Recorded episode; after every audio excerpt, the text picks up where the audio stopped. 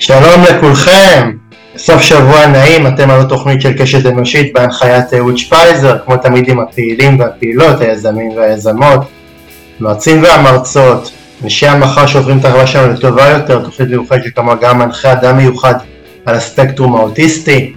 לפני שאני אפתח אה, בנושא אני רוצה להגיד כמה דברים. דבר ראשון, לאחל לכל ילדי בית ישראל ולכל אנשי ונשות סגל החינוך שנת לימודים טובה, פוריה, עשירה, ובאמת אה, שתצלח אה, דרככם. ודבר שני, אם אהבתם את קשת אנושית, אם אתם מאזינים קבועים לתוכנית, אם אתם מרואייני עבר, להשתתף את התוכנית ברשתות החברתיות כדי שהתוכנית תמשיך לצבור קהל מאזינים נוסף. בואו נתחיל. השנה האחרונה עמדה בסימן אה, מחלוקת אה, בין הציבור היהודי הרואה בעצמו חילוני לפי ערכיו ואמונותיו ובין הציבור החרדי והציוני דתי שרואה בעצמו כנושא הדגל של המסורת והאמונה הדתית בארץ. אה, כדי להבין אם שני הציבורים יתרחקו אחד מהשני עד השלב שבו כבר אי אפשר יהיה להפגיש בין שני הקהלים, או שמא המחלוקת אה, שבאחרונה משסעת את החברה הישראלית טומנת אה, בתוכה סיכוי להידברות עתידית וניסוח חוזה חדש בין המדינה ואזרחיה, אני גאה להציג את האורח שלי להפעם. הוא המנהל האקדמי של בית יוצר ישראלי, בראשות הרב אה, שי פירון, הוא עמית מחקר אה, במרכז אה, קוגוד למחקר המחשבה היהודית ולהגות עכשווית במכון שלום ארטמן. הוא שימש בעבר כמנהל מרכז קוגוד והיה אחראי על ארגון סמינרי, סמינרי המחקר, על סיוע בתוכניות מחקר אישיות ועל קליטתם ושילובם של חוקרים חדשים למכון ארטמן. הוא הגיע כחוקר צעיר בשנת 2001 ובמשך השנים עסק אה, במחקר והוראה בתוכניות המכון השונות. בשנים 2009 ו-2018 שימש כמנהל החינוכי של תוכנית בארי במכון ארטמן. הוא בוגר ישיבת עציון, שם אה, למד במשך עשר שנים והוסמך אה, לרבנות על ידי הרבנות הראשית לישראל הוא בוגר המכון להכשרת מורים במכללת הרצוג ומחזיק בתואר ראשון בתלמוד ותואר שני ושלישי בלימודי פרשנות ותרבות מאוניברסיטת אה, בר אילן. בעבר שימש במשך כשבע שנים כרב הקיבוץ שלוחות שבעמק בית שאן וכן כראש מחלקה בישיבת מעלה גלבוע. האורח שלי הוא אריאל פיקר, שלום אריאל. שלום אהוד, בוקר טוב. זה, זה, זה כאילו פיקר, אבל אני מבין שהדלת אה, אה, שותקת בסוף. כן, כמו הרבה אותיות בצרפתית שהן סתם נמצאות שם, אז גם אה, השם שלנו הוא עם D בסוף, אבל לא שומעים את ה-D בצרפתית. אוקיי. כי אם היינו מנהלים את השיחה הזאת בצרפתית, אז הייתי אומר פיקר. פיקר, ווי. פיקר. איי איי, אריאל, כיף גדול שאתה איתי בתוכנית, לא כל יום יושבים אחד כנגד השני אה, שני אנשים עם, אה, עם שמות של ראשי ממשלה, אז, אה, אז, אז, אז זה, כיף, זה כיף גדול. כיף גם לי, תודה שהזמנת אותי. כן. אז אריאל, אמנם הכיף להיפגש איתך הוא גדול, אבל לצערי הרב אנחנו פותחים את השנה העברית בסימן של הרבה מאוד מחלוקות, ובסימן אה, של הרבה מאוד אה, בעיות ושסעים שהתגלו. אתה יודע, יש משפט שאומר שלפעמים שסע הוא גם המפתח לפתרון. אתה, אתה מסכים עם המשפט הזה? אתה יודע, זה, זה באופן תיאורטי, גם אני אוהב להגיד משפטים כאלה, אבל אני גם מרגיש צורך לפעמים לשהות בתוך הסיטואציה ולא של השסע ולא לפזר אה, הבטחות או אופטימיות אה, מרובה. אני חושב שאנחנו בעיצומו של, אה, של שסע, של משבר. אני לא רואה עדיין את הסוף שלו, אני מאוד מקווה שהוא גם הזדמנות, אבל אני מנסה להיות ריאליסטי ולא להתמכר לתחושה הזאת שיהיה בסדר. כן. טוב, תשמע, יהיה בסדר, זה, זה אחד המשפטים אה, הכי, הכי נפוצים בהוואי הישראלי, כאילו תמיד אה, כש, כשלא בטוחים אה, אם יהיה טוב או יהיה רע, אז אומרים אתה יהיה בסדר, אז אני, אני מרגיש שהרבה מאוד דברים הולכים לקראת הלא בסדר מאשר לקראת הבסדר, אבל אנחנו, אנחנו עוד נחזור אליהם. אה, רציתי לשאול אותך אריאל, אתה ושי פירון, אתם באמת אנשים שבאמת הקדשתם את כל אה, אה, פועלכם באמת בחיבור הקצוות השונים בעם הזה בין החילוני לדתי ורציתי לשאול אותך אריאל, את רוב פועלך אתה מקדיש בניסיון לבנות גשר בין הדתיים לחילונים. וכשאתה רואה שכיום יש בציבור שני כתבים שכמעט בלתי אפשרי לגשר ביניהם, אתה רואה בכך אה, כישלון אישי? בהחלט, תשמע, יש לי משימת חיים ואני לא מצליח בה. כלומר, אנחנו לא מצליחים בה, זה רבים וטובים וארגונים ונכונים. אה, אה, לא, המילה כישלון היא כאילו מילה קצת סופנית, אבל אני אגיד לך מה אני מרגיש, אני מרגיש כמו מישהו שרץ על מכונת ריצה כזאת מתגלגלת, ושכל פעם מעלים לו את, ה, את הזווית, כן, שאתה רץ, אתה חושב שאתה מגיע, אבל כל הזמן זה נהיה עלייה יותר קשה, יותר תלולה. אה, לפעמים אה, זו תחושה שאולי אין לזה סיכוי, אולי אנחנו לא נצליח, אולי אנחנו מתקדמים לתהום. אה, אני מאוד משתדל להדחיק את המחשבה הסופנית הזאת ולהמשיך לרוץ במכלול הזה, במעלה הזה, אבל, אבל זה בהחלט מאוד מתסכל, אנחנו במצב מאוד, לאנשים כמוני, חברים שלי, חברות וחברים שעובדים בתחומים האלה, ומחזיקים בעמדות האלה של, של, של חיבור בין יהדות לדמוקרטיה, בין מסורת למודרניות, אנחנו במצב קשה, מצב משברי, אה, אבל ביום יום שלנו אנחנו ממשיכים לעבוד, זאת אומרת, אה, אין ביטוי כרגע בשלב זה, ואני מקווה שכך ימשיך, לתסכול. מהתסכול לא בא לידי ביטוי באיזה התרחקות או אה, אסקפיזם, לא, אנחנו ממשיכים לעבוד ביתר אה, עוז וביתר שאת. אתה יודע, יש גם אנשים ש... שמרגישים תסכול, אבל התסכול שלהם פחות בא בידי ביטוי בכעס, אתה יודע, יש גם אנשים שהם מאוד מאוד מאוד מתוסכלים, שהם אה, בולעים צפרדעים ולצורך העניין נשארים בעמדה בעמדה פסיב, פסיבית, הם כאילו אומרים לעצמם, אה, ניסיתי הכל, ניסיתי אה, להילחם, בינתיים נלחמתי רק בתחנות רוח, אה, אז אני, אז אני, אז אני אה, אמצא לי את הפינה הנוחה שלי ולא אעשה שום דבר. עכשיו זה בסדר, תשמע, זה לגיטימי, אני פשוט חושב שטבעת אה, החנק מתהדקת, אז אני, אז אני באיזשהו מקום חושב ש, שהרבה מאוד ציבורים, אתה יודע, אני מדבר בשם ציבור חילוני, אה, היה יכול לקבל את הסטטוס קוו, והרבה שנים הסטטוס קוו, אה, בין אם הוא רצה בכך ובין אם לאו, אה, נשמר. עכשיו הציבור הזה מרגיש שכבר די, הוא לא יכול יותר להכיל את הסטטוס קוו, הוא מרגיש שצריך להיות כאן משהו חדש, הוא יוצא להפגין. מה, מה זה עושה לך לראות את, ה, את, ה, את המחאות האלה, גם בבני ברק, גם, ב, גם בתל אביב, באמת המוני בית ישראל רוצים אה, חוזה חדש, רוצים שיהיו, שיהיו מסגרות נורא נורא נורא ברורות אה, של מתי לא, לא לפגוע בציפור הנפש של הערכים שחשובים לו. אז מה אתה חושב נוכח האסקלציה הזאת? אני באופן כללי מאוד מאוד אה, שמח, גאה ומשתתף במחאה הזאת. כמובן יש לי ביקורות פה ושם על צעדים שהם לא לרוחי, אבל לא ניכנס לדבר הזה. אני באתי גם בציבורית, בתקשורת, את התנגדותי לאי התנדבות, או סרבנות מכל סוג שהיא, כולל אי התנדבות. לא ניכנס לזה אלא אם כן תרצה.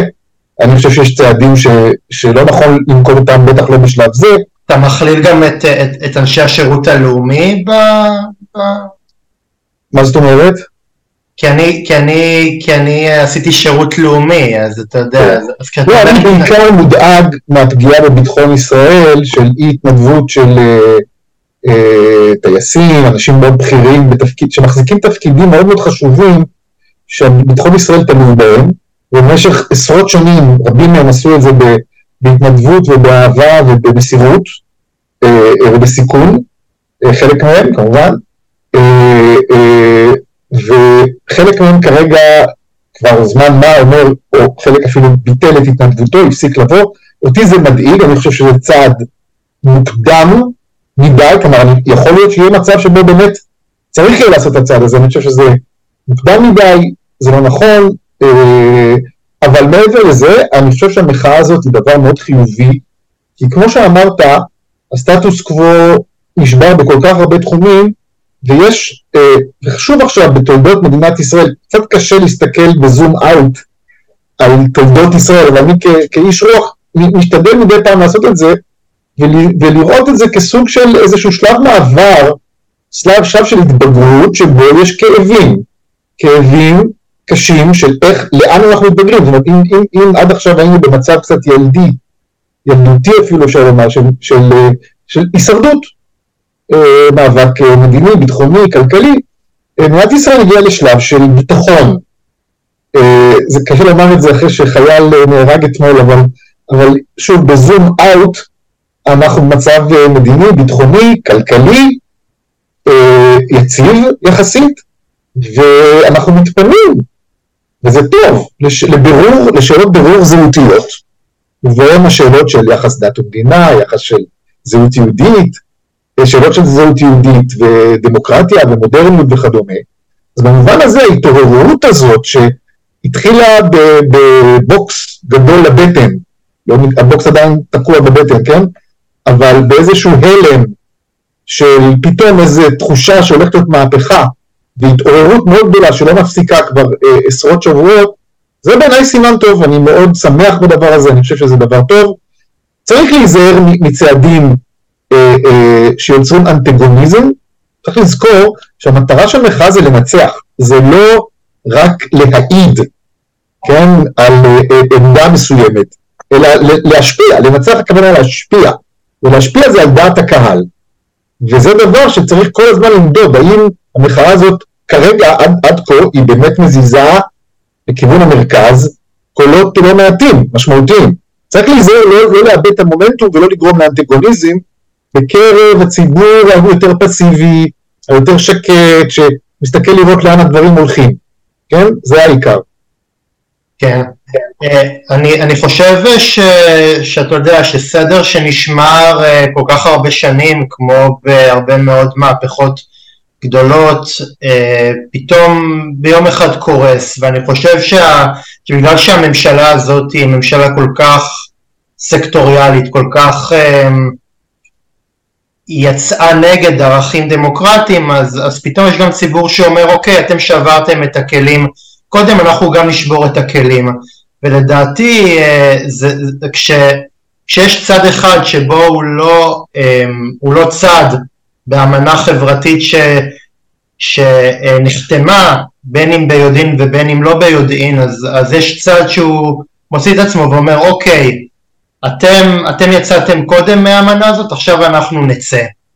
ו, ולדעתי זה מה שקורה עכשיו. כן, רק שצריך תמיד לזכור את, את יחסי הכוח. אה, הכוח נמצא במי שמחזיק במסורות השלטון.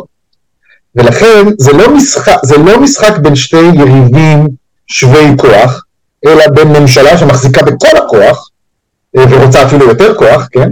לבין אה, אזרחים שמתנגדים לכוח הזה. עכשיו, האלטרנטיבה היא להעביר את הכוח לקבוצה, לקבוצת המחאה, לקבוצת האופוזיציה.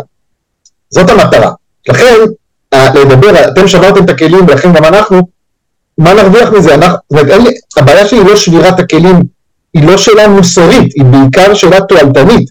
מה, אם אנחנו רוצים להשיג חזרה שלטון מתון יותר, דמוקרטי יותר, אה, אה, כמו שהיה בעבר, אז אנחנו צריכים להיאבק שזו מטרתנו. ולכן צריך לראות מה אנחנו עושים ומה אנחנו גם לא עושים כדי לא לאבד את זה. אם, אנחנו, אם המחאה תיצור אנטגוניזם ונראה בסקרים ירידה בתמיכה נגיד בבנימין, בבני גנץ, כן? שזה כאילו הסממן הכי בולט להצלחה של המחאה. ונראה ירידה ועלייה של אה, נתניהו, אז סימן שהמחאה הזאת לא עושה את העבודה שלה. אז היא שברה את הכלים. אז מה? היא תישאר מיעוט. הרי התנגדות של מיעוט תמיד יש, תמיד הייתה גם בישראל אופוזיציה אה, נגד הכיבוש, נגד דברים אחרים, והיא לא הצליחה לעשות שום דבר.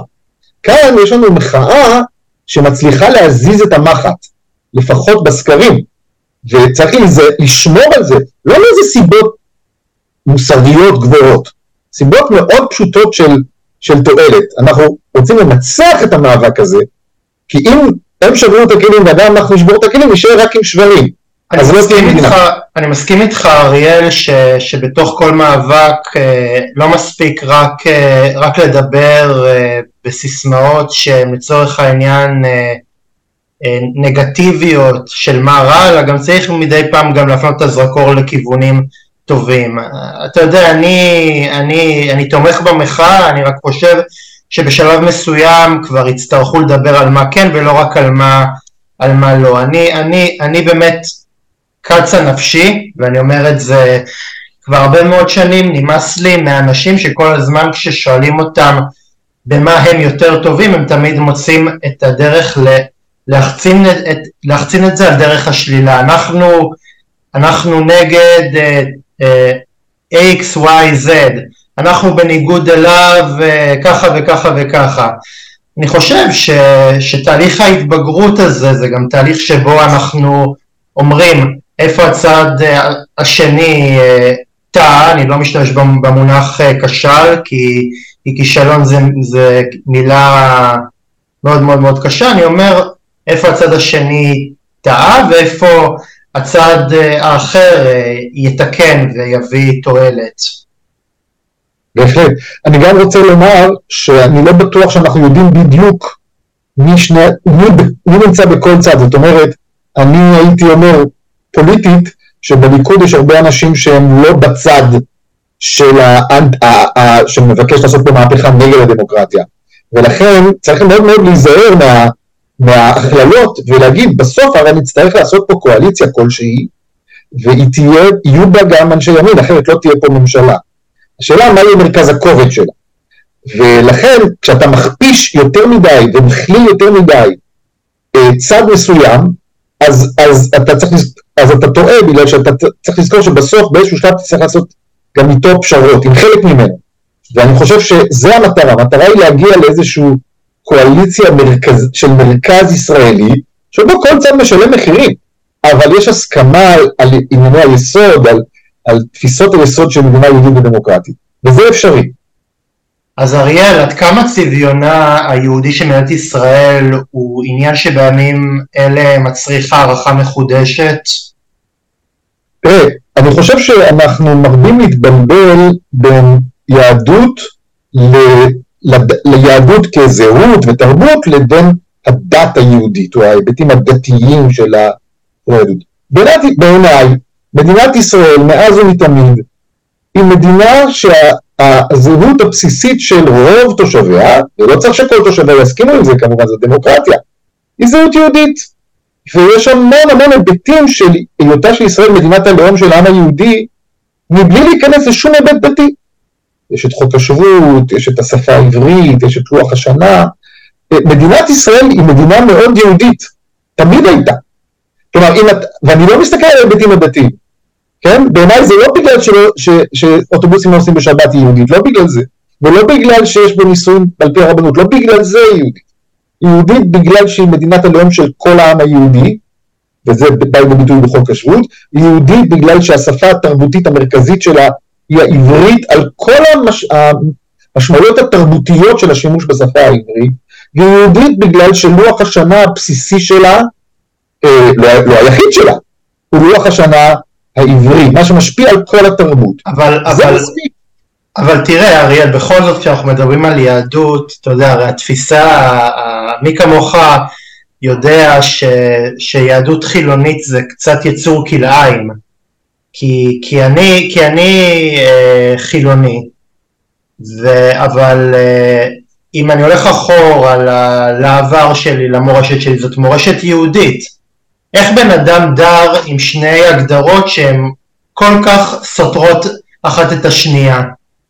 אני לא חושב שהן סותרות, אני חושב שמדובר בשינוי. הרבה דברים השתנו בעת החדשה, וגם היהדות השתנתה. גם דברים, אני, גם אני, דברים- מגיד, אני מגיד, אהיה איתך, אהיה איתך כנה, אני לצורך העניין בן אדם, אה, בן אדם חילוני, אבל אני לא, אבל אני לא יכול, אני לא מכיר משהו אחר, זאת אומרת, אם, אני לא יכול להגיד אני לא, אני לא יהודי, זה מרגיש לי כאילו לא, סמנטית לא נכון, אני כאילו אומר אני, אני חילוני, אבל מרגיש שנושא עליי איזושהי מסורת שהיא, שהיא יהודית. נכון? מה, בהחלט, זה, זה תיאור מאוד נכון, אני מניח שלך ושל ישראלים רבים אחרים, ו, ואני חושב שזה אחד החידושים הגדולים של הציונות. באה הציונות ואמרה, אה, הזהות היהודית שעד כה היה לה אך ורק ביטוי דתי, כלומר, רק אם קיימת את מצוות הדת, היה ביטוי ליהדות שלך. היום, בעת החדשה, בעת המודרנית, שבה יש תהליכי חילון, אנחנו מדברים על יותר מ-100 שנה אחורה, 200 שנה אחורה, אז הזהות היהודית באה לידי ביטוי כזהות לאומית תרבותית. בדיוק כמו שהצרפתיות לצרפתים והאנגליות לאנגלים, ככה היהדות ליהודים. ובעיניי זה חידוש מאוד חשוב ומשמעותי, שהוא הבסיס של הציונות. ולכן אין, אין, אין בזה שום בעיה, אין בזה שום, זה לא משבר, זאת יצירה שנובעת מהמשבר של החילון וכולי, אבל היא יצירה שאומרת, אנחנו לא רק שיכולים להמשיך להיות יהודים ללא ההיבטים הדתיים במובן של איזה מחויבות אטרונומית לאלוהים או משהו כזה, אל, זה לא רק זה, אלא אנחנו מייצרים זהות יהודית שיושבת על הבסיס של המסורת היהודית ומייצרת מתוכה תרבות, תרבות אה, מודרנית, תרבות אה, חדשה, תרבות שיודעת לתת מענה לאתגרים של המודרניות, למשל הלאומיות, כן, מה שהדת לא ידעה לעשות, ולא עשתה. אז במובן הזה יש פה ברכה גדולה מאוד. כמובן, יש יהודים שלא מסכימים עם זה. ובסדר, בעיה שלהם, זאת אומרת, צריך להתמודד עם הדבר הזה. אבל אין להם, לא יכולה להיות להם טענה עקרונית. היהדות היא לעולם מה שיהודים רוצים ומחליטים שזאת היהדות שלהם. אי אפשר לכפות אה, תפיסה מסוימת של היהדות על יהודים אחרים, בגלל שאני דומה יותר, ככה אני מדמיין, נגיד, לאבות אבותיי לפני 200 שנה. אבות אבותינו לפני 200 שנה לא דומו לאבות אבותיהם לפני אלף שנה. אז גם, כך גם אנחנו. אנחנו משמרים המון דברים באופן לגמרי מובלע ובלתי מודע אפילו. עצם זה שעכשיו אנחנו מדברים בשפה, בשפה היהודית שהתפתחה בזכות הציונות. זהו קשר מאוד עמוק שיש לכל אחד מאיתנו, גם בלא מודעות למסורת היהודית. אני לא, אני, אני לא חושב שבן אדם בר דעת אה, ציוני או אנטי ציוני יכול למחוק, יכול למחוק את הסממנים ה, היהודיים שלו, כי אני חושב ש, שזה כבר משהו כל כך מוטמע בנו, זאת אומרת הזהות הדתית והזהות הלאומית כל כך, אה, כל כך התחברו יחד במין קשר שהוא, שאי אפשר להפריד אותו אחד מהשני, ש... שכל, שכל יהודי באשר הוא יהודי מרגיש שבאיזשהו מקום הוא יכול להיות גם דתי וגם חילוני באותה מידה ולא להתנצל על כך. בהחלט, אני מסכים עם האמירה הזאת. אני חושב שגם יש רצף, זאת אומרת, מה זה בדיוק דתי ומה זה בדיוק, מה זה חילוני? יש כל כך הרבה וריאציות. הרי תחשוב על זה, בשביל אה, אה, ניטורי קרתא, אגודת ישראל הם, לא, הם כופרים בעיקר כי הם מצביעים בבחירות.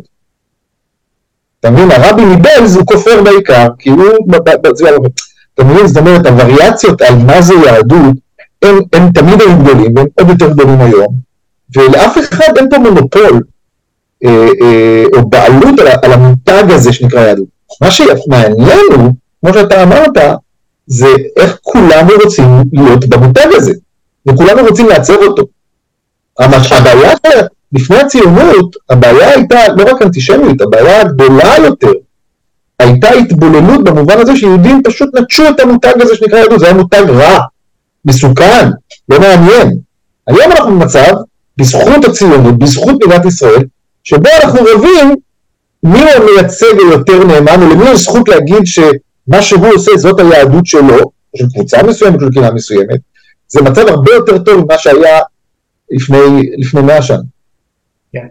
אז, אז אריאל, אתה יודע, אני ואתה מדברים, אתה יודע, אתה איש, אתה איש נעים הליכות, מאוד מדבר בשפה שהיא מאוד מאוד, גם, גם, אם, גם אם אתה איש אמוני, אתה יודע להגיד את הדברים בצורה נעימה, ואני חושב שיש הרבה מאוד אנשים שהאינטראקציה שלהם יחד יוצרת איזשהו קצר.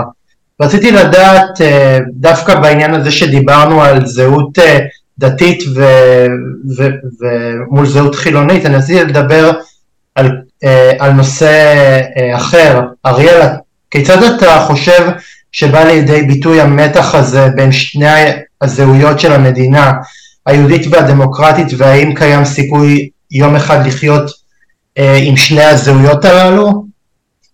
לא רק יום אחד, אני חושב שכבר עכשיו אנחנו חיים באיזון אה, נכון, מגילת העצמאות ומדינת ישראל, אנחנו עכשיו במשבר, אבל אם רגע נלך אחורה חצי שנה נגיד, חיה בצורה מאוזנת במתח הזה על פי תפיסתי. כלומר, על פי, על פי תפיסתי שני המוטיבים האלה הם מוטיבים אה, שנמצאים במתח, אבל הם לא סותרים זה את זה. יש הבדל בין מתח לבין סתירה. עכשיו, המתח שבו מדינת ישראל נמצאת הוא בעצם מתח של כל מדינת לאום. יש תמיד מתח בין הרעיון של מדינת הלאום, שהוא רעיון פרטיקולריסטי, היינו שיש לאום, יש לו תרבות, יש לו שפה, לבין תפיסה דמוקרטית מהותית, שאומרת לכל אדם יש זכויות אדם וזכויות אזרח ללא הבדל דת, גזע ומין. אוקיי? זאת, זאת, זהו מתח מתמיד בכל מדינת לאום, כי בכל מדינת לאום יש מיעוטים שאינם בני הלאום של הרוב. במובן הזה ישראל לא שונה. במובן הזה, זה שישראל מדינת הלאום של העם היהודי ומדינה דמוקרטית לכל אזרחיה, אלו הם שני דברים שיכולים בהחלט ללכת ביחד, הם הולכים ביחד. מצד אחד, יש לנו את חוק השירות, שהוא ביטוי להיותה של ישראל מדינת הלאום של העם היהודי, ומצד שני, יש לנו שוויון זכויות אזרחי מלא, לכל הפחות בגבולות אה, אה, מדינת ישראל, כן? אני... אה, כמובן, שאלת השטחים היא שאלה קשה מאוד בהקשר הזה, היא אתגר מאוד גדול. אני גם חושב שיש משהו נורא נורא נורא דמוקרטי ב... ביהדות, אתה יודע, יושבים אנשים אה, בכולל והם מתחילים להתווכח ביניהם. ולדעתי דמוקרטיה זה תרבות של ויכוח, זאת אומרת אם אתה לא מסוגל להתווכח ואתה לא מסוגל להחליף, אה, להחליף דעות ו- ו- ו- ולהתפלמס, אז באיזשהו מקום זה לחתור לעיקר, ונראה לי ש- שזה ה- הליבה של, ה- של היהדות, זאת אומרת אני לא יכול לחשוב על מדינה, על מדינה יהודית שהיא, שהיא דיקטטורית, כי, כי עצם זה שאתה יושב בכולל ואתה מתפלמס ואתה, ואתה מתווכח, זאת אומרת אין, כש, כשאין, כשאין ויכוח אין דמוקרטיה, ולדעתי אה, זה, לדעתי יש משהו נורא נורא נורא פולקלוריסטי בהוואי הדמוקרטי שלנו. לגמרי, אני לגמרי מסכים עם זה, זה לא רק הפלפול והמחלוקת, זה גם היכולת להגיע להסכמות ולעשות, תראה, אה, הקהילות היהודיות במהלך ההיסטוריה היהודית התנהלו בצורה דמוקרטית. הרי, לא, הרי כוח לא היה שם, לא היה, לא היה להם כוח פיזי, לא, לא היה להם משטרה, הם היו תחת אה, מדינות או, או, קבוצ, או, או אימפריות. איך, איך זה שקהילות יהודיות שרדו? הרי אנשים רבו ויש לנו תיעוד על כך שאנשים התקוטטו והיו ביניהם מחלוקות. הם ידעו להגיע להסכמות ולקיים את הקהילה. זאת אומרת, כמו שאמרת, יש לנו מסורת דמוקרטית עמוקה מאוד, ולכן זה לא פלא שכשהתנועה הציונית קמה, לא היה, לא היה ספק שהיא תהיה, שהיא תהיה דמוקרטית, זה היה ברור שהיא תהיה דמוקרטית. הקונגרס הציוני התנהל כמו פרלמנט, אגב, כבר ב-1902 או 3 בקונגרס הציוני נשים יכולות לבחור ולהיבחר, אין אף מדינה אחת באירופה שיש זכות בחירה לנשים, כן? יש בניו זילנד ב-1902 או לפני כן, אבל באירופה אין אף מדינה שיש בה זכויות בחירה לנשים, ובקונגרס הציוני שהוא המדינה שבדרך, כבר יש זכות בחירה לנשים. אז זאת אומרת שהעקרונות הדמוקרטיים הם מוטבעים מאוד עמוק בתוך המסורת היהודית והמסורת של יהודים. כלומר, איך שהם התנהגו בפועל בקהילות שלהם, בהתארגנויות שלהם. אז לכן, זה, זה לגמרי טבעי בשבילנו אה, אה, אה, שיהיה חופש ביטוי, כמו שאמרת, המחלוקת, ושיהיה אפשרות להתווכח, או להתווכח אפילו בצורה מאוד קשה, אבל יש לנו גם את המסורת של אוקיי, אז עכשיו מה עושים? איך מגיעים להסכמות? כן? אז גם את זה יש לנו, ולכן זה טבעי לנו, אה, אה, הדמוקרטיה, ולכן באמת עשרות שנים אנחנו חיים במדינה. לא אני לא רואה תרחיש אה, שבו אנחנו מפסיקים להיות, להיות, להיות דמוקרטיה, אתה יודע, הרבה מאוד אנשים מדברים איתי ומדברים בכאב על קץ הדמוקרטיה. אני לא חושב שזה יקרה, כי עם שהוא כל כך ב-DNA שלו רגיל לתרבות ויכוח ורגיל להתפלמס, לקחת את זה ממנו זה כמו לקחת צעצוע מ- מידיים של תינוק. נכון. אגב, רוב הוויכוחים שיש לי עם אנשי ימין שתומכים ב- ברפורמה המשפטית, או איך שתקרא לזה, הם תמיד טוענים, אבל, אנחנו, אבל זה, אנחנו עושים את זה מסיבות דמוקרטיות, וזה לא יפגע בדמוקרטיה. זאת אומרת, גם על המותג דמוקרטיה יש מאבק, כולם רוצים להיחשב דמוקרטים. אז אה, אה, לא, זה לא בהכרח, אני לא מסכים איתם, אני חושב שזו טעות, כן, אני חושב שזה גם, יש דברים שמובילים לדברים שאתה לא מתכנן, לכן זה מאוד מסוכן לפגוע אה, אפילו בעקרונות צדדיים או שוליים של הדמוקרטיה. אבל אין ויכוח אמיתי האם ישראל צריכה להיות דמוקרטית, כן? אנשים, כמו שאמרת, אני לא מכיר יהודים, יכול להיות שיש, יכול להיות שיש, ואני מכיר מהתקשורת, שאומרים, שמע, אנחנו רוצים מלוכנות, אנחנו רוצים פה מלוכה, אריסטוקרטיה, יש בתפיסות החרד"ליות, יש כאלה אנשים, אולי אפילו החרדיות, אבל אני חושב שברוב האנשים שהם בעד הרפורמה המשפטית, הם יגידו, שוב, אני לא אסכים איתם, אבל הם יגידו, לא, אנחנו לא רוצים לפגוע בדמוקרטיה וזה לא פוגע בדמוקרטיה. אולי אפילו הם יאמרו, זה אפילו מועיל לדמוקרטיה. זאת אומרת, הוויכוח הוא לא על עצם העיקרון הדמוקרטי, הוא על הדרך הביטוי שלו, זה ויכוח קשה, זה ויכוח שצריך לנצח בו, או להגיע להסכמות בו. אבל הוא לא ויכוח על עצם הרעיון הזה שישראל יכולה וחייבת להיות הן יהודית והן דמוקרטית. אז אריאל, האם אתה מזהה בשנים האחרונות נטייה של הציבור הדתי-לאומי לאמץ השקפות עולם שיונקות את האידיאולוגיה שלה מתוך המסורת החרדית? בהחלט, אני חושב שהקבוצה הזו שאנחנו מכנים אותה חרדיות לאומית או חרד"לים או חרדים לאומיים, אה, אה, היא חרדית בלאומיותה. זאת אומרת, הרבה פעמים אנחנו נגדיר חרדי בתור אדם פונדמנטליסט, אדם שלא אה, מוכן לשום גמישות ופתיחות, או דבק באיזשהו קו מאוד מאוד נוקשה. אז החרדים דבקים בקווים נוקשים בהיבט הדתי. החרד"לים מכילים גם, גם את ההיבט הדתי המאוד מוקצן, אבל גם תפיסות לאומניות מאוד נוקשות, שאגב, לא בטוח שלחרדים יש אותן. במובנים מסוימים, בחרדים הקלאסיים, כן, אגודת ישראל, יש תפיסות גלותיות שהן לא לאומיות, הן לא לאומניות, בוודאי לא לגבי מדינת ישראל. והרבה פעמים הם היו, גם היום אומרים, אנחנו לא, הרפורמה המשפטית היא לא ענייננו, אנחנו רק עוסקים בענייננו. זאת אומרת, הם, הם, הם, הם מתחמקים מאובר לאומנות, החרדים. אה, החרד"לים זה תופעה הרבה יותר, הרבה יותר קשה ומאתגרת, בגלל שהם גם תפיסתם הדתית מאוד נוקשה, כן?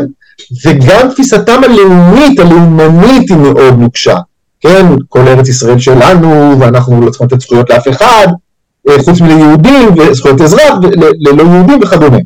אז לכן זה, זה, זה, הסכנה פה היא הרבה יותר גדולה מה, מהקרבה לחרדים. זה, זה, אה, אה, זה טורבו, זה חרדים טורבו וחרדים בלאומיות, זה עוד יותר, עוד יותר מסוכן. אבל, אבל אתה יודע, אמ, אני חושב שזה, שגם זה מין איזשהו יצור כלאיים, כי אתה נגיד מסתכל על המפד"ל אה, של, של יוסף בורג ושל זרח פראפטיג ו- ואני יודע מה, אמ, אמ, יוסף בורג, אמר, זבולון אמר, זבולון אמר, נראה לי שאמרתי את שמו,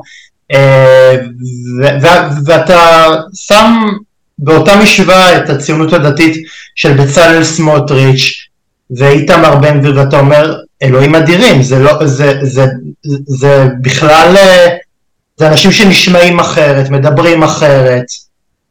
חושבים אחרת, לגמרי. היום אם הם היו מסתובבים בינינו, ייתכן והם היו אה, נואמים בקפלן.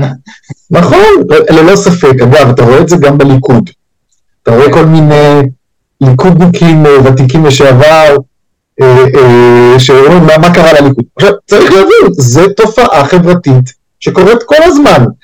כשאתה אומר יצור כלאיים זה כאילו איזושהי ביקורת. הביקורת שלי היא עניינית, אני, מה לעשות, הציבור השתנה ומנהיגיו השתנו, זה דבר רע, אבל שוב המותג, כן? הם עכשיו באמת מחזיקים את רוב הציבור הציוני דתי. אגב, כפי שרואים בסקרים, אה, ואני מקווה שזה גם יהיה כך בבחירות אה, הקרובות, הם מאבדים כמעט 50% מה, מהכוח שלהם. אה, אז, אז זה אומר, מה, שמה שקרה בבחירות האחרונות, זה אומר שהייתה קבוצה די גדולה, מאוד גדולה, של אנשים דתיים, שמגדירים את עצמם ציונים דתיים, מתונים, שהצביעו לבצלאל סמוטריץ' ובן גביר. ואני חושב שהיום רבים רבים מהם מבינים שזו הייתה טעות, והם לא יחזרו על הטעות הזאת. אריאל, מהי לדעתך הסיבה שבגללה לא קמה עד היום דמות מנהיגותית מתוך הציבור הדתי-לאומי מחד והציבור החרדי מאידך, שתוכל להשכין שלום בין הציבורים השונים בחברה ולקבל את פערי התפיסות בתוך הציבור היהודי בארץ? אני חושב שזאת שאלה טובה מאוד. אה, אובדן מנהיגות הוא בכל החברה הישראלית. תראה, אה, המנהיג, האדם היחיד שהוא מנהיג במלוא מובן המילה זה בנימין נתניהו, אני מתנגד אליו. אבל אני לא יכול ל, ל, אה, לא להגיד, הוא מנהיג. מנהיג שסוחף אחריו הרבה מאוד שנים, המונים, וברמה הרבה יותר גבוהה משאר המנהיגים הפוליטיים שלנו, בכל הזרמים. אנחנו בתקופה של אה, אה, חוסר מנהיגות בכל, בכל הציבורים. אגב, שים לב שגם בציבור החרדי, אתה יודע, נפטר גדול הדור האחרון, והם עדיין לא מינו גדול דור, כי זה לא ברור מי הוא בכלל, והאם יש אחד כזה.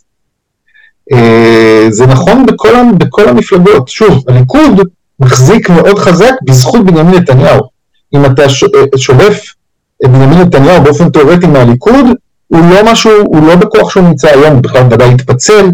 אין מנהיגות, אין לנו מנהיגים. אה, אה, זאת שאלה מאוד טובה מבחינה היסטורית. איך נוצר מנהיג, נגיד בסדר גודל של בן גוריון, בסדר גודל של הרב קוק, כן? אה, בסדר גודל של הרצל, בסדר גודל של הרב סולובייצ'יק, או הרבי מלובביץ', תחשוב, גם בחסידויות...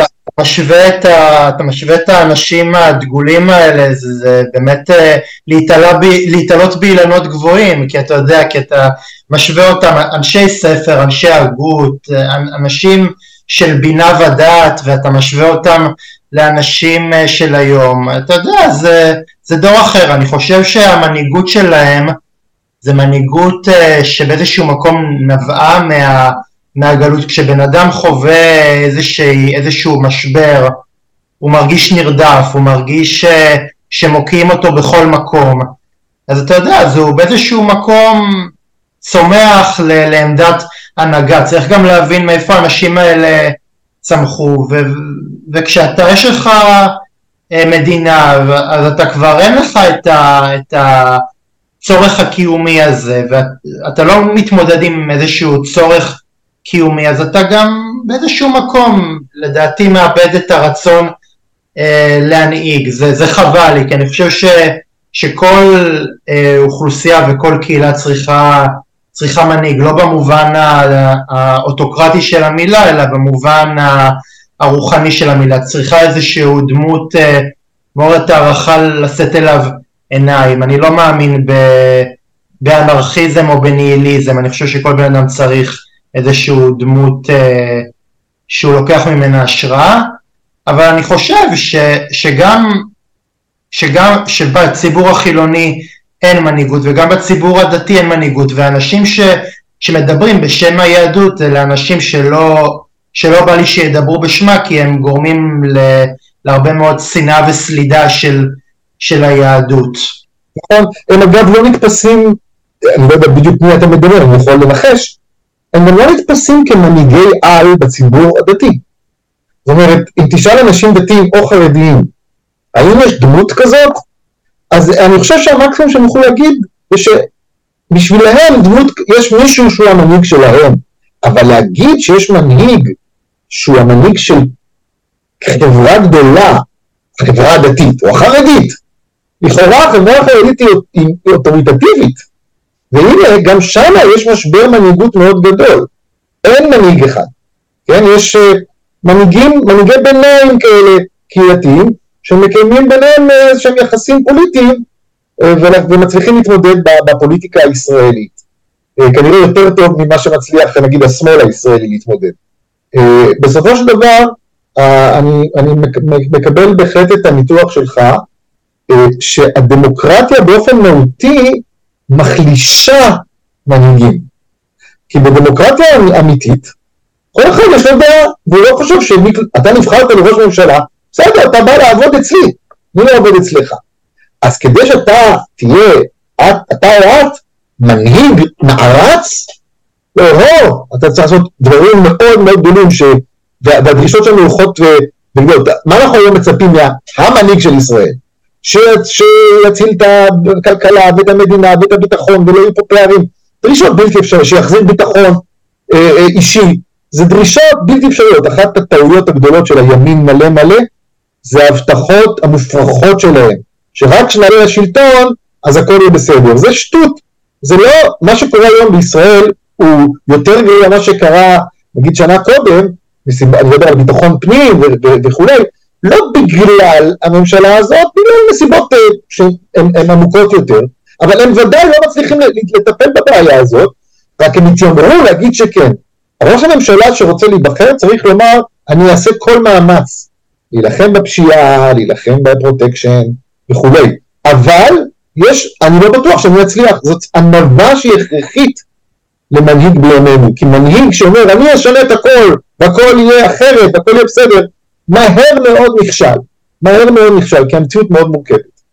אני גם אגיד לך מה, אני, אני, אני כמובן מסכים אה, ש, שדמוקרטיה זה אווירה מאוד מאוד מאוד קשה למנהיג אה, לשרוד בה, מצד שני אני גם חושב שההפך הוא הרבה יותר גרוע, מנהיג שהוא ללא מיצרים ושהוא שולט הרבה מאוד זמן, זה גם לא טוב, אני חושב שמנ, שמנהיג הוא במיטבו והוא מקבל החלטות טובות כשהוא חלק מ...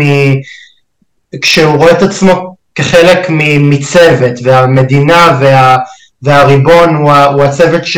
שעובד איתו והוא נותן לו פידבק והוא אומר לו אה, אתה, אתה מגזים, אתה נסחף, תחזור לתלם, תעשה דברים טובים, לדעתי זה, זה טוב וזה לדעתי משבח את, ה, את המנהיג, לדעתי מנהיג שהוא ללא מיצרים הוא, אין, אין, אין, אה, אין, אין אה, מערכת של איזונים ובלמים שעובדת יחד איתו, הוא בסופו של דבר אה, גם לדעתי מנהיג לא, לא טוב, כי בסופו של דבר הוא גם מאבד את, ה, את, את אותם כוחות ואת אותם איזונים שמאפשרים לו לקבל אהדה אותנטית מה, מהציבור, כאילו אתה יודע, הוא, הוא, הוא חי באשליה שהאהדה אה, כלפיו היא אותנטית, אבל היא לא אותנטית, כי זאת אהדה שהיא, שהיא מבוססת על הפחדה ועל, אה, ועל כוח אה, אנרציה שנובע מה...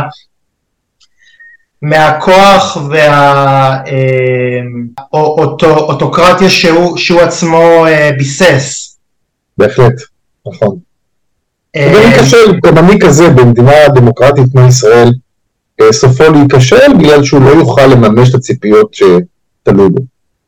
אריאל, לאחרונה יש קולות בציבור החילוני שתומכים במתווה אה, תקופת המקרא, ככה אני קורא לה, של מדינת ישראל. לחילון, אה, ישראל החילונים ומדינת אה, יהודה לחרדים ולדתיים, האם אה, קולות דומים אה, ישנם גם בקהילה החרדית והדתית עם אתה נפגש? אה, אני לא שומע קולות כאלה, אני חושב שזה מין תרגיל מחשבתי בעיקר, אני לא חושב שמישהו חושב ברצינות שהדבר הזה אפשרי.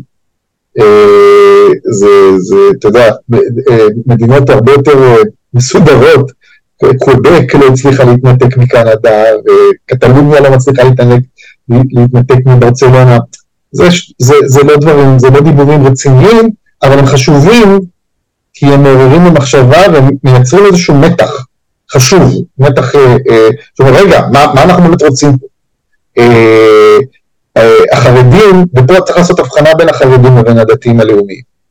החרדים מבינים מהר מאוד שהדבר הזה הוא פועל לרעתם, כי כלכלית אין להם את המסוגלות אה, להחזיק מעמד ללא מדינת ישראל הגדולה, כן? זה אחד, הבע... זה אחד האתגרים, זה אחת הבעיות שלנו, שבעצם יש פה קבוצה שלמה שנשענת על המדינה, אבל תרומתה יחסית נמוכה יותר. הדתיים הלאומיים מתנגדים לדבר כזה מסיבות אידיאולוגיות. לא בשביל זה קמה הציונות, בטח לא הציונות הדתית, כן? לייצר פה איים של קבוצות יהודיות שנאבקות זו בזו. יהודה וישראל של תקופת המקרא זה לא תקופה מפוארת, זו תקופה מבוישת בתולדות ישראל. אה, אה, היא תקופה גם שנולדה, זו תקופה גם שנולדה בחטא, כי שלמה המלך חטא, אז אלוהים אה, פיצל לו את ה... את הממלכה לממלכת יהודה וממלכת ישראל, אנחנו באמת רוצים לחזור לחזון ש, שנולד בחטא? ברור, אף אחד, אני חושב שזה לא דבר שחושבים עליו ברצינות, אני חושב שזה תרגיל מחשבתי, חינוכי, מתודולוגי חשוב. אפילו, אתה יודע, כשמציירים את המפה, אז פתאום עולים שאלות, רגע, למה ככה? מה, מה זה אומר? מה, מי שצייר את המפה הזאת, כן, מסתובבות ברשת, מה הוא חשב? מה היה הרציונל? לא, לא, זה לא, זה, זה, זה משהו דמיוני. אבל גם לפעמים דמיון יכול לעזור בחשיבה אני לא חושב, אני לא חושב שזה ישים, כי אז, כי נגיד אני אזרח גוש דן, מה אז גם, אז מה נפריד את בני ברק? זה הרי לא, לא רעיון רציני. זה לדעתי... תשמע, גם עם הפלסטינאים אנחנו לא מצליחים לעשות את זה, אז מה? אה, wishful, uh, wishful thinking מה שנקרא. כן. לא, uh, לא, הפלסטינים, אתה יודע, הסיכוי שניפרד מהם הוא יותר uh, סביר מהסיכוי שאנחנו כיהודים ניפרד, וחוץ מזה אה, אנחנו, אתה יודע, הרי לדעתי יש פה איזשהו אוקסימורון, מה אנחנו ניתן את, אה, נחלק את יהודה וישראל, אז מה, מדינת יהודה תצטרך אה, לדאוג לפלסטינים, והרי הם, והרי הם לא, הם לא רוצים, הם לא... כן, ברור, זה, זה מופרך לחלוטין, מופרך כן. לחלוטין. אריאל, איזה מתווה לדעתך, מתווה הגיוני, לא, לא מתווה אידיוטי כמו המתווה של יהודה וישראל, לדעתך ניתן ליישם uh, סביב סוגיות שכיום מגבירות את גובה הלהבות בין שני המגזרים, והם uh, סוגיית uh, יום השבת, הפרדה בין נשים לגברים במרחב הציבורי וחוק הגיוס? תראה, כל אחד מהדברים שאמרת, יש הבדלים גדולים. בואו נתחיל ככה. לגבי אה, השבת, אני גם, זה גם בפנימה, בתנועת פנימה וגם במכון ארטמן, אה, יש אה, אה, מרכז לזהות אה, יהודית ישראלית ולשאלות של יהדות ומדינה. יש הרבה מאוד מתווים מכבדים שאומרים, למשל אתן לך דוגמה, תחבורה ציבורית. אה, אה, תחבורה ציבורית בשבת חשוב שתהיה תחבורה ציבורית בשבת, יש הרבה מאוד אנשים אה, שנוסעים, שרוצים לנסוע, לבקר את משפחותיהם, לעשות מה שהם רוצים בשבת, ואין שום סיבה שהמדינה תכפה עליהם נסיעה במונית למשל יקרה, או החזקת רכב יקרה, ותחבורה ציבורית זה דבר מאוד בסיסי. כמובן שתחבורה ציבורית בשבת יכולה בקלות להתחשב ברגשות של אנשים דתיים, שהתחבורה הציבורית הזאת כנראה לא תעבור בשכונותיהם. זה מתווה שאפשר לעשות אותו ברמה אזורית מאוד, בצורה מאוד uh, מדויקת והגיונית, כך שכולם יהיו מרוצים. המאבק פה הוא מאבק סימבולי, אידיאולוגי. ברגע שיורדים מהעצים הגבוהים, אומרים, אנחנו צריכים, רוצים לחיות פה ביחד, יש פה אנשים עם תפיסות שונות, בואו נכבד אחד את השני, לכבד אחד את השני זה אומר שתהיה תחבורה ציבורית. איפה היא בדיוק תעבור, אז אפשר לחשוב על, על, על דרכים יותר יצירתיות, ובכל מקרה תחבורה ציבורית בשבת לא דומה בשום מדינה בעולם לתחבורה ציבורית בימי עבודה. אנשים לא נוסעים לעבודה, הם נוסעים במקומות אחרים, כן? ויש הבדל, יש, וזה דברים שהם פתירים. לו אנשים היו רוצים, יש מתווה של אמנת גביזון מדן למשל, הדבר הזה. דברים האלה אפשריים, וזה שהם לא מתבצעים זה מסיבות פוליטיות גרידא, כן? זה, זה דבר אחד. אה, לגבי הגיוס לצבא, פה אנחנו נמצאים בעולם אחר, זה לא סיפור של כפייה דתית, כן? אה, סיפור אחר, סיפור של רב תרבותיות. איך אנחנו מכילים במדינה ליברלית דמוקרטית אה, תרבויות מיעוט שיש להם תפיסת עולם שונות, למשל, אנשים שחושבים שלהתגייס לצבא, נניח פציפיסטים, או אנשים שמתנגדים לשירות בצבא מסיבות דתיות כלשהן. אני לא מחזיק בעמדות האלה, אבל איך אני מתייחס לדבר הזה? אז גם כאן, אם מציגים את זה בצורה דיכוטומית, או שכולם יתגייסו או לא, זה המצב היום כרגע, כן? אה, אה, חוק הגיוס או ביטול חוק הגיוס. זו תפיסה מוטעית. כדי לייצר את המצב האופטימלי, צריך לייצר אה, אה, מנגנונים מרובים, מגוונים של שירות עבור המדינה, עבור החברה. דווקא לפנימה יש מתווה שבני גנץ אה, תומך בו ומוביל אותו בכנסת, של שירות לכולם, שווה לכולם, שמכניס בתוך זה גם שירות לאומי ושירות אזרחי ושירות במכבי אש ובזק"א ובמד"א ובחינוך וברווחה, כמו שכבר יש היום, יש הרבה מאוד מתנדבים בשירות הלאומי האזרחי. כן? מה שצריך לעשות זה, זה באמת אה, לפנות לציבור החרדי ולהציע לו, אגב לא רק לציבור החרדי, לכלל הציבור בישראל, ולהציע לו אופציות שונות של שירות. העיקרון השוויוני אומר שכולם צריכים לשרת. בפועל הרי לא כולם משרתים באותה רמת אינטנסיביות גם היום, וזה בסדר. אז בוא נציע אופציות, וגם הצבא לא צריך את כולם באותה מידה ולאותם תפקידים. אפשר לייצר, זה מהלך שייקח הרבה זמן, אבל אם יש הסכמה כללית על כך שכל אזרח ואזרחית ישראלית, יהודים וערבים, חרדים וחילונים, צריכים לשרת את החברה שלהם במשך שנתיים, שלוש, מה, ש... מה שמוקלט, יכולים להיות הרבה מאוד אני... אה, אה, ערוצים לדבר הזה, וזה פתיר בהחלט.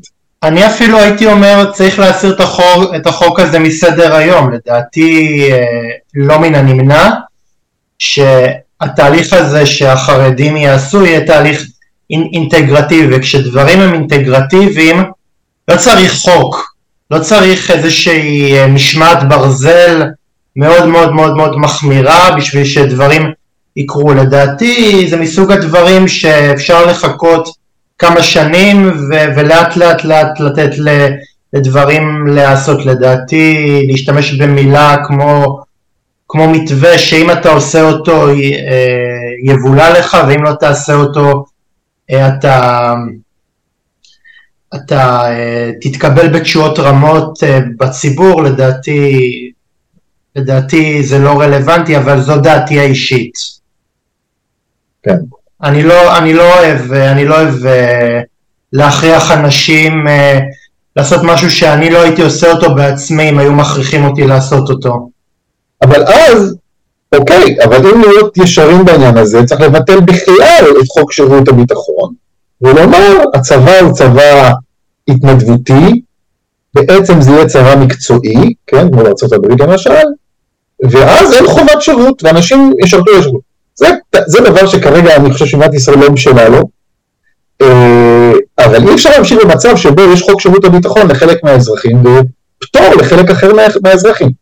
זה מצב שהוא לא תקין, אה, אה, וכיוון שיש יותר אופציות סבירות ממה שאנשים חושבים ורגילים לחשוב, הצגת הדברים בצורה דיכוטומית היא הטעות המרכזית.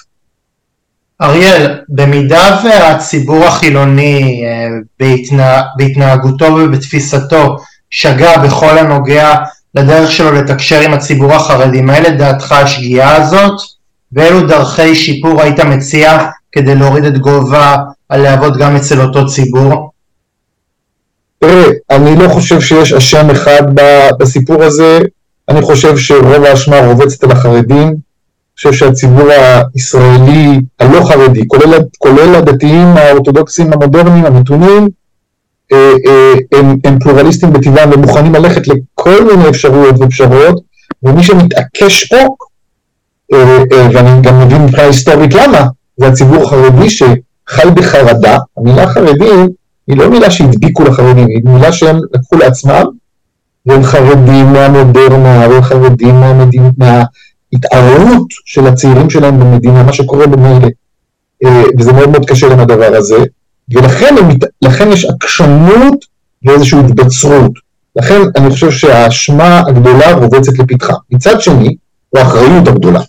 כן? זה גם אשמה, אני חושב, כי לא לקחת חלק במסע הזה שנקרא מדינת ישראל, הן מבחינה ביטחונית והן מבחינה כלכלית, זה דבר שהוא עוול.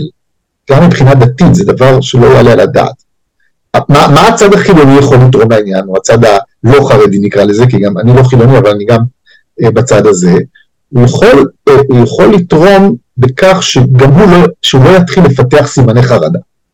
כלומר, לחשוב שכל דבר שהחרדים מבקשים זה אסון נוראי. בוא אתן לך דוגמה על הפרדה שאתה הזכרת קודם, אוקיי? אה, כמובן, שירות ציבורי כמו, כמו אה, תחבורה ציבורית, אסור שתהיה בו הפרדה, וכך גם החוק. אבל לא מזמן, לפני כמה שנים היה, היה וזה קורה מדי פעם, אירוע אה, של זמר חסידי שהיה בהפרדה. והייתה התנגדות מצד גורמים ליברליים נגד ההפרדה הזאת. עכשיו ההפרדה הזאת היא שונה לגמרי מהפרדה באוטובוסים, מדובר ברצון של קהילה לשמור על כללי ההתנהגות שלה. תראה, גם על אחת כמה וכמה כשיש זמרות אה, חרד, אה, חרדיות ש, שאפילו אומרות אנחנו, אנחנו רוצות לשיר בקהל של, אה, של נשים, אנחנו מכבדות אתכם הגברים, אבל אנחנו רוצות שלא יתערבבו נשים וגברים. אתיאן, אתיאן קרי שהיא לא חרדית אלא מוזיקאית דתייה הציעה את זה ו, ו, ו, ו, וכל החילונים הפלורליסטים מטעם עצמם אה, אה, צלבו אותה ואני אמרתי לא, אני, אני, אני אמשיך לאהוב, לאהוב אותה, אני אמשיך לשמוע את המוזיקה שלה אבל אה, זכותה מלאה, היא, היא מאמינה במשהו ו... נכון. ולא מ, לא מאחריותי להתערב לה בשיקול הדעת שלה. נכון, נכון. כשאתה ליברל אתה צריך לכבד את השונות של האחרים, עד גבול מסוים. למשל, אנחנו לא, אנחנו לא, אנחנו לא נתיר אה, ריבוי נשים בגלל שאנחנו ליברליים במדינת ישראל, או הכאת ילד, או פגיעה בילדים חלילה, אוקיי? יש, יש גבולות לרב תרבותיות ולליברליזם. אבל מצד שני, מה שמתפתח בחלקים מהציבור החילוני זה סוג של חרדה של המדרון החלקלק. שכל עוד יש לנו כוח למנוע מה, מהחרדים את מה שמתאים להם בתוך האזורים שלהם, אנחנו נעשה את זה כדי שהם לא יתפסו, לא יקבלו יותר מדי כוח. זה, זאת פעולה מתוך, שנעשית מתוך חרדה שהיא דבר שלילי. צריך למצוא את הגבולות, זה לא קל למצוא את הגבולות, מה כן ומה לא. אה, למשל, אתן לך דוגמה, בית המשפט העליון קבע, בצדק לדעתי, שיכולה להיות הפרדה בלימודים אקדמיים בין גברים לנשים, אבל רק בתואר ראשון ולא בתואר שני. זאת פשרה מתקבלת על הדעת. אתה אומר, אני רוצה שהחרדים יגיעו להשכלה גבוהה, זה אינטרס של מדינת ישראל, כמובן. ולכן אם הדרישה שלהם, מסיבות תרבותיות שלהם, היא שזה יעשה בהפרדה, אני, מדינת ישראל מוכנה לשלם את המחיר הזה, אבל באופן מוגבל, לתואר אחד, לתואר ראשון. אתה רוצה תואר שני? בבקשה תתכבד ותגיע לה, לה, לאקדמיה בצורה רגילה. זה פש... אלו הן פשרות שהן הכרחיות כדי לקדם נושאים. כשמתנהגים בקנאות שהיא כמו חרדית, הנה קנאות חילונית מתברר יכולה להיות כמו חרדית, אז אנחנו מחזקים את, את, את העימות או מייצרים עימות גובה להבות גבוה יותר שלא, הוא לא הכרחי למצב. אני לא אוהב, אני לא אוהב uh, את יפי הנפש והצדקנים מטעם עצמם שאומרים שכל, שכל uh, שינוי אורחות החיים בצד השני זה קריאת uh, תיגר וכפייה. לדעתי יש דברים ש, שאני כחילוני יכול, יכול להכיל אותם. אה, אריאל, אה, לקראת סיום, מהי הערכתך לגבי המשך מרקם החיים המשותף כאן בארץ ואיך ניתן יהיה לשמר אותו, לשמור עליו, כדי למנוע את המשך הפלגנות המסוכנת בין שני הציבורים? תראה, אין לי הערכה, אני לא מבין. אני עובד בזה. כל מה שיש לי לומר זה שצריך להמשיך לעבוד בדיוק בחיבורים האלה, ביצירת הקשרים האלה, ביצירת ההסכמות והן אפשריות בציבור שרחב ככל האפשר, כן? אה, אה, אני חושב שאנחנו פועלים בכיוון הזה, רבים פועלים בכיוון הזה, זאת, זה המומנטום כרגע, כן? רואים את זה, זה בא לידי ביטוי בסקרים, סקרים זה ביטוי למה, שקורה, למה שאנשים מרגישים ברגע זה, זה לא אומר מה יקרה בבחירות, אבל זה ביטוי למומנטום חיובי. במקום ליצור פלגנות, יש תזוזה, תזוזה פוליטית, זה ביטוי לחיוניות פוליטית של החברה הישראלית, שתמיד הייתה מאוד חיונית, במובן הזה שהיא הפילה ממשלות בלי, בלי שום בעיה, בלי שום אה, אה, אה, היסוס, כי מישהו, כי היו, הייתה קבוצה מספיק גדולה שלא הייתה מרוצה. אז במובן הזה יש מקום לאופטימיות, אבל אה, אה, אני מרגיש חובה לעבוד יותר קשה ולדבר עם יותר אנשים על האפשרויות הממשיות, מה שדיברנו לפני רגע על תחבורה ציבורית או על גיוס, זה פתרונות פרקטיים, ממשיים ומעשיים שמורידים את גובה הלהבות לא כפרזה, לא כאיזה אה, אה, מטאפורה, אלא בפועל, הנה פתרון לבעיה, זה פתרון, יש פה כמה פתרונות, בואו נשב ונגיע לפתרון. אני חושב שאגב גם בסיפור המשפטי זה אפשרי. כרגע אנחנו לא בשיח הציבורי, בעניינים המשפטיים, אנחנו עדיין אה, במינויים מאוד חמים, אבל מתישהו ובניסיון לייצר עוד יותר ועוד יותר friction ועוד יותר חיכוך, באיזשהו שלב זה ימצא את עצמו ואנשים יגידו אוקיי, בואו נחשוב הלאה, איך אנחנו ממשיכים. אני אה, חושב אה, שכבר, אני חושב שכבר עכשיו זה, זה מתקיים, אתה יודע, אני לא, אני חושב ש, שבקרב תומכי הרפורמה אה, יש אנשים שהם לא, שהם לא הדמון, ואני, ואני באיזשהו מקום חושב שאם אתה לרגע יוצא, יוצא בזום אאוט ממה שאתה רואה ושומע בתקשורת, אתה, מקו... אתה לפעמים גם יכול לראות ביניהם גם אנשים אה, מאוד מאוד מנומקים, רציונליים, לא, לא עם קצף על, ה, על השפתיים, שיכולים לדבר בהיגיון. לגמרי, בהחלט, אני לגמרי מסכים מהאמירה הזאת, וזה נותן הרבה מאוד תקווה. אריאל, לסיום, האם אתה אופטימי באשר לסיכום של שני הציבורים, החילוני והדתי, להיפגש מתישהו בעתיד? שוב, אני לא חושב שזה משהו שרק יקרה בעתיד, אני חושב שאנחנו בתוך המסורת הזאת של שיתוף פעולה ושילובים הרבה מאוד שנים, אה, אה, ולכן זה לא איזה תקווה, אתה יודע, בעתיד הרחוק, זה משהו שקורה, וזה משהו שצריך לחזק אותו דווקא ברגע, בשלבים האלה, ברגעים הקשים האלה, ולהמשיך לעבוד במרץ, בחיובי, במחבר, ביכולת להגיע להסכמות, ולא לוותר לכוחות הקצה ש, שבונים את עצמם ואת, הכוחות, ואת הכוח הפוליטי שלהם בעיקר על הקצנה ועל, ועל התנגדות. אלא דווקא לחפש את המשותף והמחבר בנוס, בכל תחום באופן ענייני. לו היינו רק יותר ענייניים, כן, הרבה מאוד הרים היו נראים לנו כעכברים. אריאל, נאה דרשת מילים כדורבנות, אני מאוד מאוד, מאוד שמחתי לראיין אותך ועד כאן תוכניתי קשת אנושית להפעם, כמו כן אם אתם רוצים לקחת חלק בתוכנית שלי נצרו איתי קשר למספר הטלפון או למייל, תודה רבה, אני הייתי אהוד שפייזר ולהתראות.